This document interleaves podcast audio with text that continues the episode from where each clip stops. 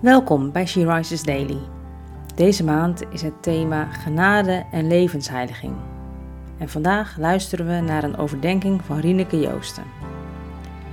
We lezen uit de Bijbel Filippenzen 1, vers 29. Aan u is de genade geschonken, niet alleen in Christus te geloven, maar ook omwille van Hem te lijden. Lijden als voorrecht zien. Dat klinkt best onwaarschijnlijk, vind je niet? Het gaat zo in tegen onze manier van denken, maar het is wel wat hier staat. En de apostelen leefden het ons voor.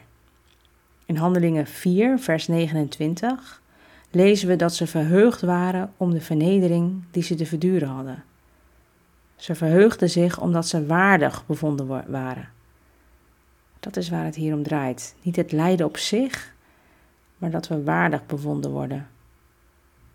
We mogen vertegenwoordigers zijn van Jezus en Zijn liefde uitdragen. En tegenwerking en strijd mogen we zien als genade. Heb je dat wel eens ervaren? Dat je je inzet in Gods koninkrijk en dat er op allerlei fronten tegenslag lijkt te ontstaan? Als je je bevindt in de frontlinie, als we mensen bij Jezus mogen brengen, is er strijd.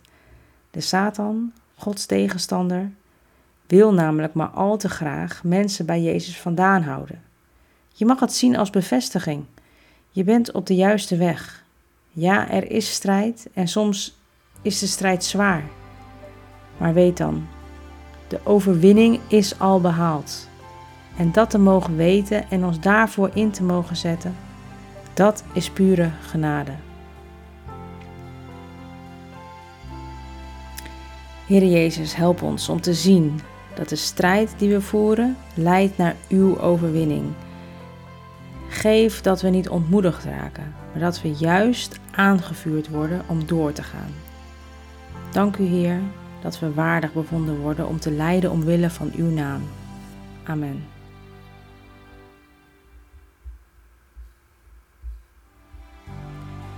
Je luisterde naar een podcast van She Rises. She Rises is een platform dat vrouwen wil bemoedigen en inspireren in hun relatie met God.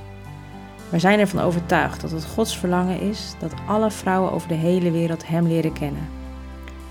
Kijk op www.she-rises.nl voor meer informatie.